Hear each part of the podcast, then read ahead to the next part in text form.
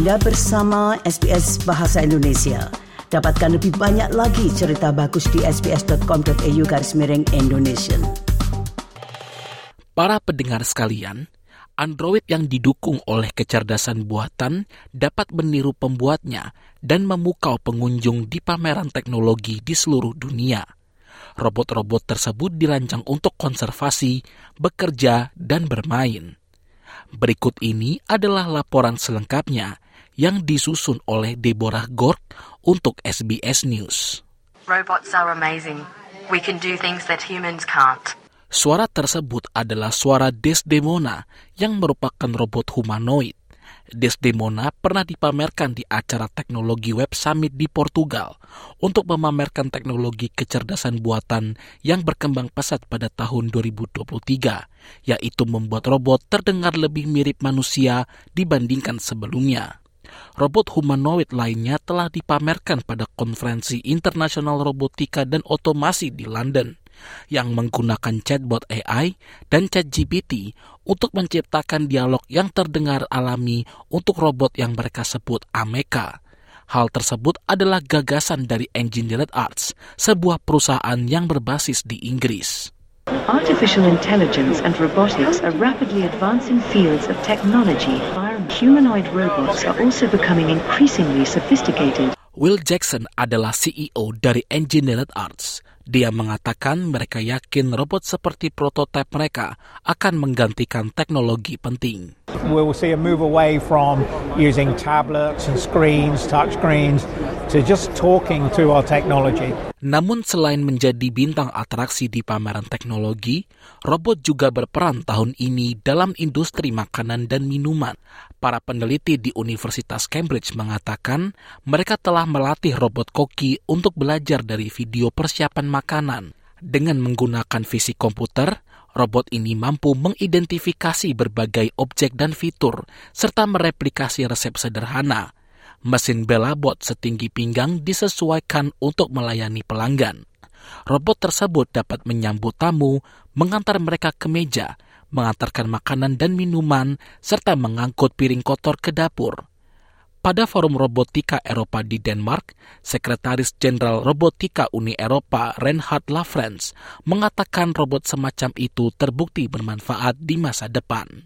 Uh, here in a labor shortage situation, um, therefore you need more automation, more robotization. Tahun ini juga telah terlihat robot penanaman pohon untuk membantu masyarakat Peru menghutankan kembali bagian Amazon yang hancur akibat penebangan kayu dan agrobisnis.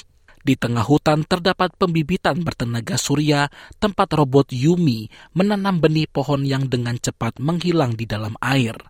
Menurut penjaga hutan, robot tersebut mampu menanam 600 benih dalam waktu beberapa jam. Juan Julio Duran Torres, wakil presiden kelompok penjaga hutan, mengatakan kelompok ini menanam pohon asli Amazon dengan menggunakan benih lupuna, pasako, dan kayu ulin. The mining the logger, they do have, at, at, at, at this point, they have advanced technology. They can destroy so much. So if we have robots here to help planting trees and, and local people be involved and learning technology, it'll be, it'll be like pretty much battling together. Pada konferensi AI dunia di Shanghai, Tiongkok, robot-robot yang tersinkronisasi menari secara harmonis mengikuti musik.